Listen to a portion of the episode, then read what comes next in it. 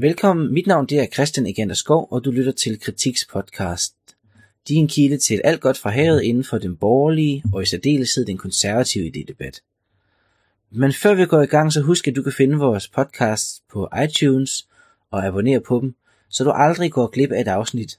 Og hvis du gør det, så giv os en solid 5 stjernet anmeldelse, så hjælper du os og hjælper andre med at finde frem til podcasten. Der har været præsidentvalg i Frankrig, og resultatet er på en gang meget overraskende og meget lidt overraskende. For vi vidste godt på forhånd, at det ville gå som det gik, nemlig at Emmanuel Macron, der er en slags øh, karismatisk Morten Østergaard, og så Marine Le Pen fra det højre nationale Front National ville gå videre til anden valgrunde. Men når det så alligevel er overraskende, så er det fordi, at det er en lille revolution i fransk politik, hvor ingen af de to traditionelle statsbærende partier, nemlig Socialistpartiet og øh, det konservative parti Republikanerne, gik videre til anden valgrunde. Det politiske etablissement er med andre ord blevet vist døren, og midtervælgerne flokkes nu i stedet om Macron, der i bedste fald kan beskrives som et wildcard. Og så er der jo Le Pen. Hendes fremgang vidner om den generelle styrkelse af det europæiske højre, men den vidner også om noget serien fransk, nemlig den styrke, som et relativt radikalt højre har i dette land, såvel politisk øh, som intellektuelt. Og det er netop, hvad vi skal tale om i dag. Med Simon Hesslager Johansen, som er fast skribent på overskriftet Kritik. Simon Hesslager Johansen, du skrev for nylig i replik en længere artikel om det, som du kalder det yderste højre i Frankrig. Øh, der slog du for det første fast, at højrepopulismen, altså det som Le Pen repræsenterer, står stærkt i dagens Frankrig. Og, øh, og det må man jo sige, det har valget jo bekræftet. Det jeg synes er bemærkelsesværdigt ved det franske politiske billede, det er, at det radikale højre står relativt stærkt. Det er en meget, meget synlig tradition. Og jeg tror endda, hvis det var sådan, at fransk var et fransk var, altså hvis det var sådan, Europa var lige så frankofont i dag, som det tidligere har været, så vil den her form for tænkning, som vi kender fra det radikale højre Frankrig, måske have et endnu større øh, publikum. Men det allerførste, jeg vil spørge dig om, det er, hvorfor tror du egentlig, det står så stærkt i Frankrig? Og det andet det er så, hvordan adskiller det sig fra det mere etablerede højre, som vi også har øh, eksempler på i Frankrig, for eksempel ved det her parti, republikanerne, det tidligere UMP, som, øh, som jo har lidt et forsmædeligt nederlag her ved, ved valget. Ja. Jeg, jeg tror, det har noget at gøre med, at ligesom det moderne liberale demokrati i sin nuværende form kan spores tilbage til den franske revolution i 1789, så kan antiliberalismen også sådan føres tilbage til 1800, øh, til 1800's kontrarevolutionære modreaktion med sådan en term i det øh, oprøret Napoleon Bonaparte og Bourbon-restaurationen. Datidens øh, franske reaktionære som Louis de Bonal og Joseph de Maistre, de var med til at bygge det ideologiske grundlag for ret meget sådan højere radikal politisk filosofi, som vi kender det i dag. Det skal nemlig huskes, hvad hedder nu, at den første franske republik godt nok etablerede mange af grundprincipperne for liberal tankegang her i Europa, men også i praksis var så korrupt og dysfunktionel, at Napoleon han overtog magten, så hilste der ret store dele af landets befolkning hans autoritære kejserdømme velkommen, fordi han genetablerede en sådan nogenlunde grad af fungerende statsapparat og social øh, stabilitet. Så og den er, det forhold, altså, altså man kan sige, at Frankrig er altså den, den borgerlige revolutions øh,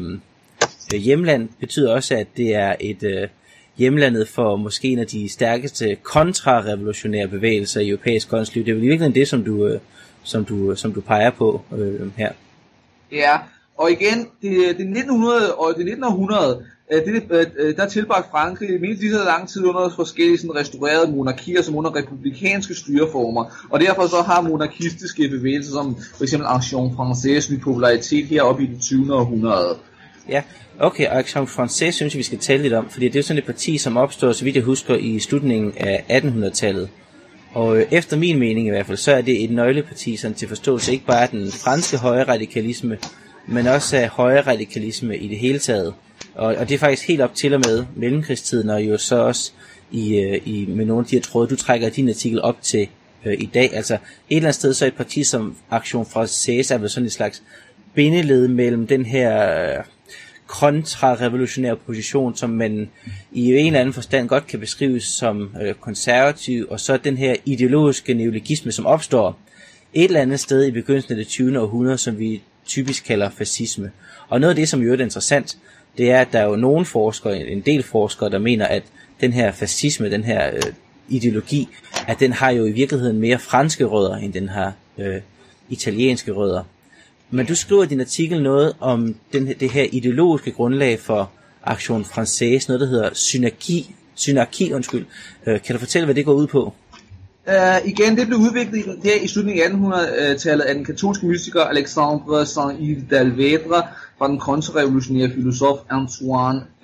Fabre d'Olives idéer. Og denne ideologi defineres af Saint-Yves som sådan det modsatte af anarki, hvilket for ham betød en centraliseret regering, der skulle vedligeholde ekvilibrium mellem de økonomiske, politiske og religiøse magthavere. Det var tænkt som sådan en form for moderne fortsættelse af den feudale statsdynamik mellem handelsfolk, adel og kirken. Saint-Yves elev Girard Ancosset, bedre kendt under sit uh, pseudonym Papus, han blev hurtigt hovedansvarlig for at popularisere netop denne gennem sin genopvækkelse af den såkaldte Martinistorden, et uh, kristent mystisk selskab, der var aktiv i, det første, i, i den første halvdel af 1700-tallet før revolutionen. Papus' rekonstruerede Martinistordens mest indflydelsesrige medlem, det må have været filosofen René Guénon, der levede fra 1886 til 1951, der udviklede sin egen ideologi ved navn perenniel traditionalisme. Og øh, hvad hedder det? Guénon, han er en af dem, som, øh, ja, udover selvfølgelig, at han har, en, han har sådan en ret bred receptionshistorie, øh, øh, så har han en af dem, som kommer til, så vidt jeg kunne forstå, er netop at inspirere også øh, altså mellemkrigstidens høje radikale og fascistiske strømninger i, øh, i, øh, i Frankrig. Ja. Og hvad hedder det nu? Øhm, um, Guénon, han, og, og det, øh, det er noget, han har den tydeligste forbindelse mellem synarki og martinisme til det 20. århundredes øh, radikale højrefløj. Fordi øh, han var nemlig en, hvad hedder det nu, en ret stor inspirationskilde for den italienske fascistbevægelse gennem sin korrespondence med en af deres øh, hovedideologer, Julius Evola. Det er en klassekollaboration, der netop udgør centralpunktet i fascistisk økonomi. Det er netop en, øh, det ligner netop, hvad hedder nu, sådan en forsøg på at tilpasse synarki til sådan en moderne industrialiseret økonomi. Men det der jo sker så i, øh, i, den, i den franske kontekst, det er vel, at den her øh, radikale højrefløj, øh, som blom, altså den blomstrer i Frankrig i øh, 1920'erne og 1930'erne, men den bliver jo også øh, besejret. Altså man kan jo sige, at det radikale højre i Frankrig bliver fedtet ind i hele det her Vichy-regime. Altså det her kollaborationsregime, som, som tyskerne jo dybest set sætter op nede i, øh, i Sydfrankrig. Og som jo sådan på en gang er et regime, som, som hævder at være sådan øh, hyperpatriotisk, og de har mange sådan patriotiske slagord og idéer, som de øh, fører sig frem med, men som jo i virkeligheden altså bare er et kollaborationsregime, øh, og på den måde kommer de til at, øh, at, at søle øh, store dele af den her antiliberale tradition ind. De bliver ramt af den her anklage af, og som også er en øh, korrekt anklage, at de jo netop ikke er patrioter i sidste ende, som modarbejder de deres, øh, de deres land. Så man skulle jo tro,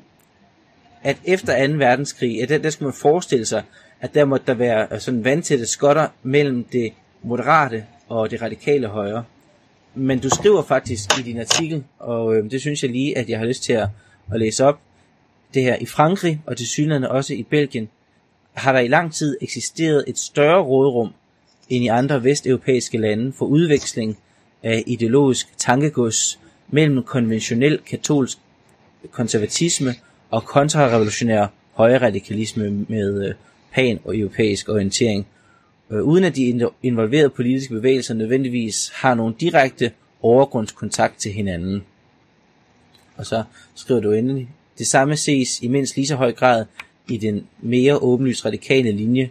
som har banet vej for Marine Le Pens netværkssamarbejde med Vladimir Putin og, øh, og Donald Trump. Hvordan kan det være? Altså, kan du fortælle lidt om, øh, om de her forbindelser, der findes mellem det, øh, det moderate højre og det radikale højre i øh, Frankrig, for det er jo noget, som man ikke genkender fra øh, Danmark, og man genkender det heller ikke fra et andet land, hvor højre radikalisme vil komme til at fylde meget, for eksempel Tyskland. Det, det, der sådan har været, det, der sådan har været billedet hos det, det, hvad hedder, det er en øh, konservativ tænketank dannet efter 2. verdenskrig navn Le Cercle, Le, Le Cercle Pinet, der, hvad hedder den, både, øh, der øh, der, der blev grundlagt, hvad hedder det, i begyndelsen af 50'erne af den daværende, hvad hedder øh, Frankrigs premierminister fra 52 til 53, øh, Antoine Pineda gav navnet. Han kom fra et lille konservativt parti ved navn øh, CNP, Centre National des øh, Independence des Paysans, og den, øh, og det interessante det var, at der, øh, sammen med en buddhistisk politiker, Jean Violet, som øh, var, havde en højrangerende position for den franske udenrigs efterretningstjeneste. Jeg tror, det har noget at gøre Øhm, jeg, jeg tror, det har noget simpelthen at gøre med, at der simpelthen var så mange, hvad hedder det, sådan, øh, øh franske politikere, hvad hedder nu, der havde øh, deltaget, øh, der havde under krigen havde deltaget i den der Vichy-kollaborationsregering, at det ville være ret svært sådan, at øhm, øh, netop ville kunne være, hvad hedder det så svært, at øh,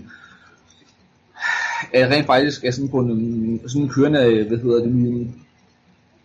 øh, sådan kørende, hvad hedder øh, det nu, regering op i øh, regeringen igen og sådan holdt sig fuldstændig sådan fri for sådan tidligere, øh, sådan, netop sådan tidligere kollaborationister. Ham, Jean, øh, Jean, Jean Violet, han var nemlig, hvad hedder det nu, som ung mand, der var han, øh, der var han nemlig tidligere medlem af, hvad hedder det nu, af, af CSRR, øh, Comité Secret d'Action Revolutionnaire en, øh, også kendt som La Cagoule, en, øh, under, en fascistisk undergrundsguerillamelits, der var meget aktiv i 30'ernes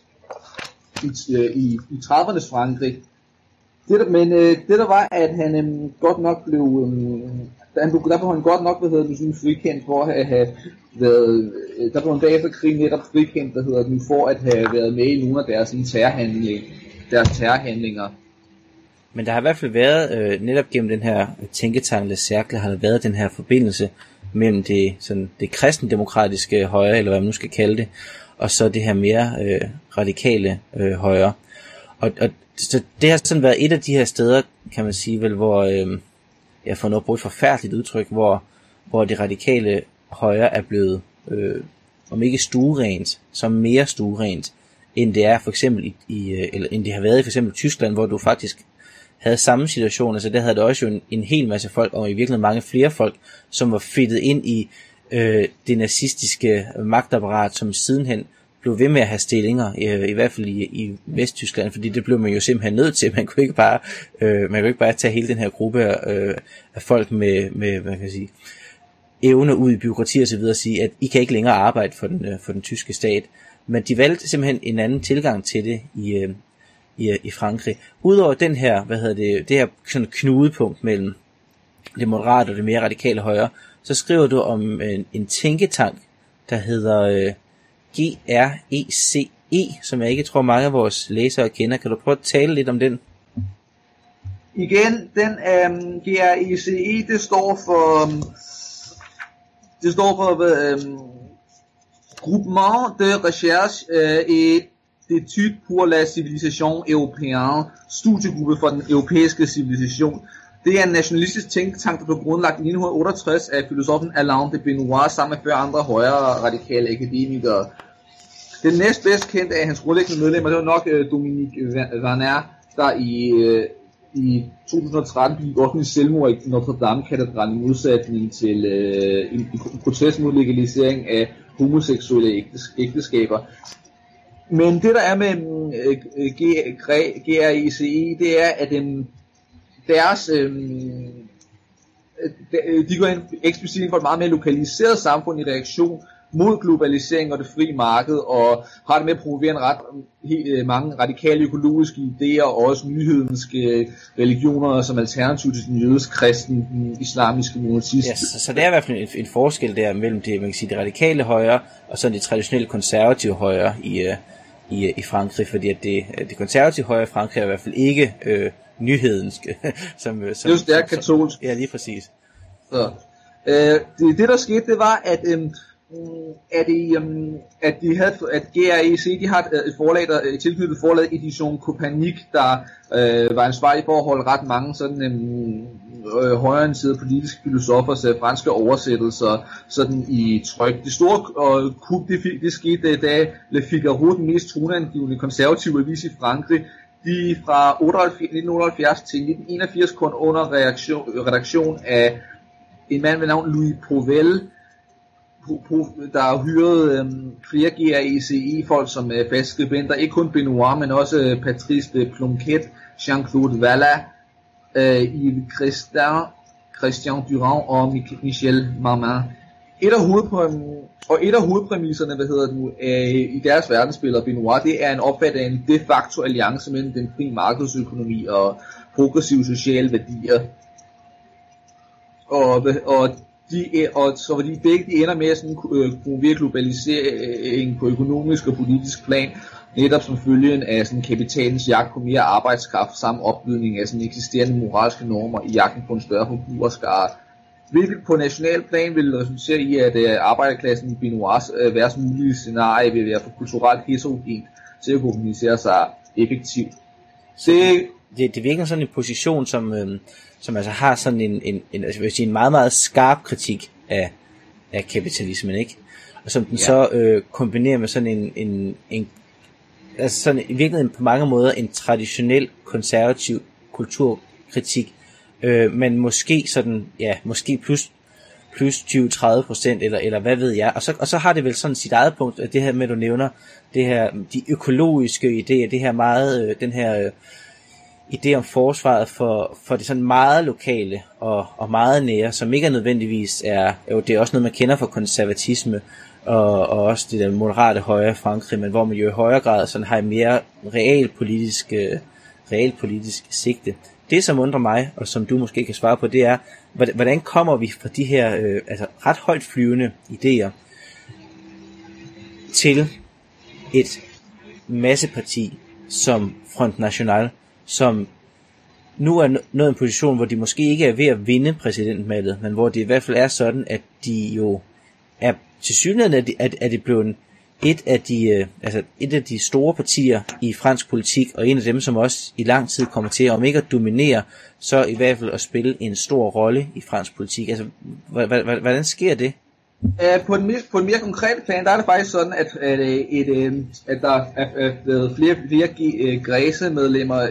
især Pierre Vial, der, der i 80'erne meldte sig ind i Front National, Øh, se, uh, selvom han i 1998 der blev han øh, fyret, da de begyndte at øh, uh, Front National begyndte at søge sig ind mod midten, og så havde de ikke rigtig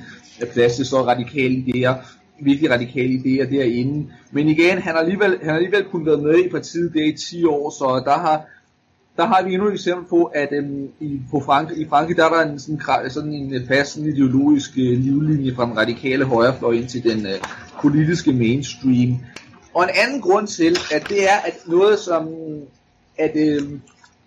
at lige siden 90'erne, der har der, der er den franske venstrefløj øh, også haft sådan en øh, ret, øh, ret sådan kraftig sådan en øh, modop, øh, modoplysningstradition. Og hvilket vi i dag ser, hvilket vi, hvad hedder det nu, netop i dag ser med mm, Jean-Luc Mélenchons nye parti, La France Insoumise, øh, det ubetvingelige Frankrig, eller ubetvinget øh, Frankrig i dag. Ja, så Mélenchon, det er ham her, venstrefløjs øh, socialisten, eller ja, i virkeligheden nærmest øh, kommunist, venstrepopulist, som jo fik også et rigtig, rigtig godt valg. Han fik nærmest præcis lige så mange stemmer som den konservative kandidat, François Fillon. Så, øh, så, og han fik flere stemmer end, hvad hedder nu, Parti Socialist under ja, Benoit Hamon. Mange flere, ikke? De fik 6% eller sådan noget. Så, så, så det, er også, øh, det er også ved at bide mærke ved det her valg. Og, det er net, og, det, og, og han har netop, hvad hedder det, nu stillet sig på valg på sådan en øh, eksplicit øh, antiglobalisering og anti-liberal venstrepopulistisk platform. Og jeg tror ikke, det er noget tilfælde, at, øh, at, at DOS øh, nu opstår sådan en succesfuld øh, antiliberal venstrefløj, som øh,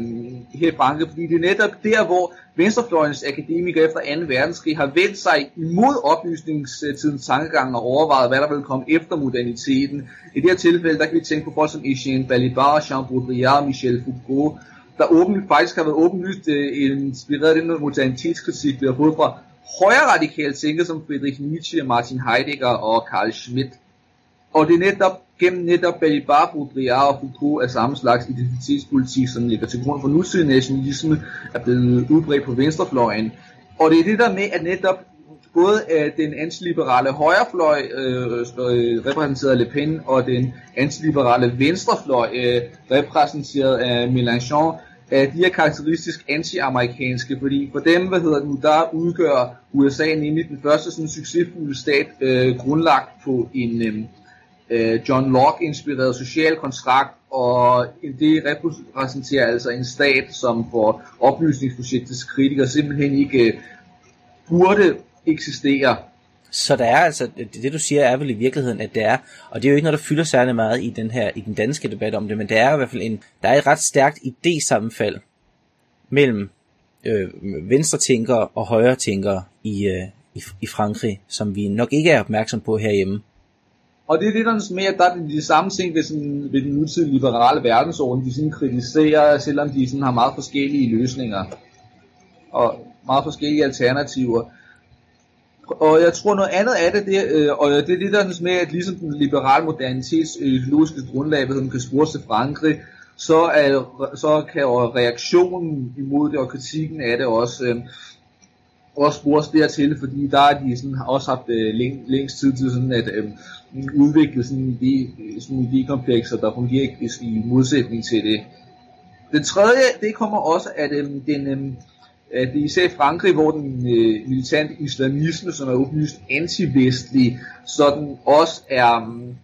også er meget stærkere end i andre europæiske lande. Og det betyder, at, øh, at der er i dag under i dag i nutidens Frankrig, så er øh, så hele den, øh, så hele den, den liberale øh, ideologiske tradition under sådan øh, skarp angreb sådan fra hele tre sider. Ja, altså på, fra, fra venstrefløjen og fra højrefløjen og fra, fra sådan, øh, altså islamismen, ja. Ja. Hvis vi sådan skal prøve, at, og nu, nu antyder det allerede lidt, men vi skal prøve at kigge i krystalkuglen efter det her valg, hvad, hvad er det så, vi kan sige? Altså, hvis jeg lige kan starte med at sige noget, så er det jo, altså, hvis man sådan læser reaktionerne oven på valget, så var det jo altså, nærmest jublende glæde øh, over, at man nu havde stoppet højrepopulismen, fordi at ham her, øh, Macron, han var han havde jo, øh, det var ham, der, der står til at vinde præsidentvalget, det er jo ikke nogen hemmelighed. Godt nok så fik øh, han cirka lige så mange stemmer øh, i procent som øh, Marine Le Pen, men når det nu kommer til, til anden valgrunde her øh, 7. maj, så øh, står han jo til at få sådan omkring 60 procent, og hun står på en god dag til at få øh, 40%, så der er vel ikke nogen, altså der er jo ikke nogen risiko for, eller hvis man er glad for Le Pen, der er ikke nogen chance for, at hun kan vinde det franske øh, præsidentvalg. Men på den anden side, sådan som jeg ser det, så er det jo også, øh, altså så er der måske ikke grund til den, den helt store optimisme på Frankrigs vegne, fordi du har altså 20%, der har stemt på Le Pen, du har 20%, der har stemt på Mélenchon, så det er, det er 40% af vælgerne, som stemmer på relativt radikale, øh, antivestlige, øh, antikapitalistiske partier, som dybest set udfordrer den her øh, liberale orden, som vi også som, altså sådan ser jeg på det, som vi også som konservative har en eller anden form for øh, tilhørsforhold til. Men hvad er, hvordan ser det ud i din krystalkugle? Hvordan det ser ud, hvordan det ser ud i min krystalkugle, det er, at jeg regner med, at, hvad hedder det nu, at, at der sådan sker en ommøblering af det politiske spektrum, sådan fra øh, højre øh, mod venstre til øh, liberalisme mod, øh, øh populisme. Fordi det er, hvis man kigger på øh, Emmanuel Macron og hans øh, politiske projekt, det er, at han præsenterer sig selv som, øh, sådan, hver, øh, som hverken sådan højre eller venstre. Hans parti, det hedder En Marche, det betyder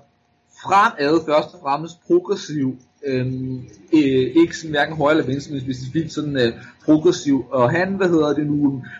øh, han promoverer, hvad hedder det nu, både, hvad hedder det nu, sådan liberal pengepolitik, og også for sådan forsvare Venstre, øh, forsvare velfærdsstaten mod øh, den kritik, den kommer under fra, fra for eksempel François Fillon og Les Républicains, der er blevet meget mere sådan, øh, der nærmest er, er, gået, er, øh, er nærmest ved at, sådan at rehabilitere ret meget af, af det sådan øh, økonomiske øh, politik, der blev introduceret af Margaret Thatchers, øh, øh Thatcher for, øh, for, øh, fløjen i det er i 80'erne. Men så virker det som om, at øhm, der har vi sådan en form for sådan en modsætning mod sådan, øhm, mod sådan liberale øh, progressive værdier og sådan øhm, økonomisk globalisering øh, på den ene side, men også med sådan en vis sådan form for sådan social bevidsthed og sådan international øh, bevidsthed. Og så på den anden side, der har vi, hvad hedder nu, både sådan, øh, der har vi sådan øh, populister, der sådan modsætter, sådan er eksplicit illiberale, uanset om de sådan er venstresocialistiske, ligesom øh, Mélenchon, eller højre nationalistiske, ligesom Le Pen. Så det kan godt, jeg undrer mig over, hvad hedder nu, hvordan det sådan kommer til, øh, hvordan de sådan koalitioner, der sådan kommer til at opstå øh, her efter valget, sådan senere hen kommer til at se ud, fordi her i Danmark derhjemme, der ser vi faktisk, at nu enhedslisten faktisk øh, kan øh, alliere sig mod Dansk Folkeparti imod øh, EU og øhm, den økonomiske globalisering. Og det er lidt det samme, vi sådan ser i, hvad hedder det, i folkebevægelsen. I folkebevægelsen mod EU, der er, hvad hedder det nu, der er øh, ikke specifikt højre eller venstre, men bare øh, øh, anti generelt. Det, jeg undrer mig, og jeg undrer mig, om vi, mul- og vi muligvis kan, øh, kan ind i sådan en situation, hvor øh, mm, der bliver dannet en eller anden form for sådan en fælles venstre radikale og højre radikale hvad hedder det, front mod, øh, mod globalisering. Og noget andet det er, hvad hedder det nu, det er, at hvis man kigger på Mélenchons øh, øh, Melanchons, øh, sådan hele hans, øh, hans stil og hans retorik, der virker det som med, med hele den der sådan, så grove præsentation og humoristiske øh, øh, og den her fjollede retorik, øh, humorist, humor, han sådan har det med at benytte sig af, at der virker det som, at han sådan bevidst sådan prøver at øh, kopiere sådan højrepopulismen og sådan appellere til Le Pens øh, vælgere. Her tidligere på ugen, der var der faktisk en artikel i øh, Information, øh, der siger, at øh, han ikke er venstrefløjens frelser og ved at det netop ikke er tilhænger af sådan en fri indrejse og faktisk støtter en skarpere øh, øh, indvandringspolitik end øh, Macron gør. Og han har det også med at bruge sådan en eksplicit øh, nationalistisk retorik øh, med hans parti, det hedder jo øh, det ubetvingelige Frankrig, og han snakker om Europas folkeslag imod deres regering, og han støtter også hvad hedder nu, tættere relationer med Rusland, og kalder øh, EU for sådan tysk imperialisme, så det virker, så det virker simpelthen som om, at, øhm, at øhm, vi kommer til, at, øh, jeg, at øh, jeg har på nemmelsen af, at der sker sådan en ommøblering af det politiske spektrum i Frankrig, der muligvis også vil sprede sig sådan til resten af Europa, hvor øh, hvor vi ser sådan en form for sådan en liberal midte, der øh, bliver, mm, der netop, hvad hedder den, sådan,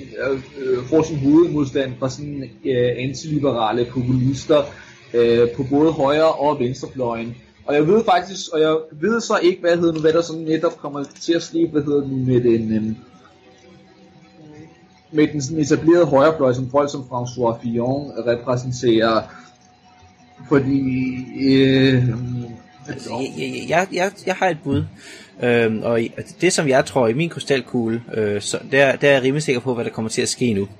Og øh, øh, altså, jeg er fuldstændig enig i det, du siger her med, at jeg tror, at vi kommer til at se en, øh, en politisk en midte, som er politisk øh, liberal og i, i bred forstand, øh, som bliver udfordret til højre og, og til venstre. Og i Frankrig, netop der har vi jo, altså vi har 40% af, af vælgerne, som udgør de her, som, som støtter den her radikale kritik af det bestående system. Øh, hvordan kommer midten til at, at reagere på det? Ja, den kan gøre forskellige ting. Den kan sådan forsøge at, at,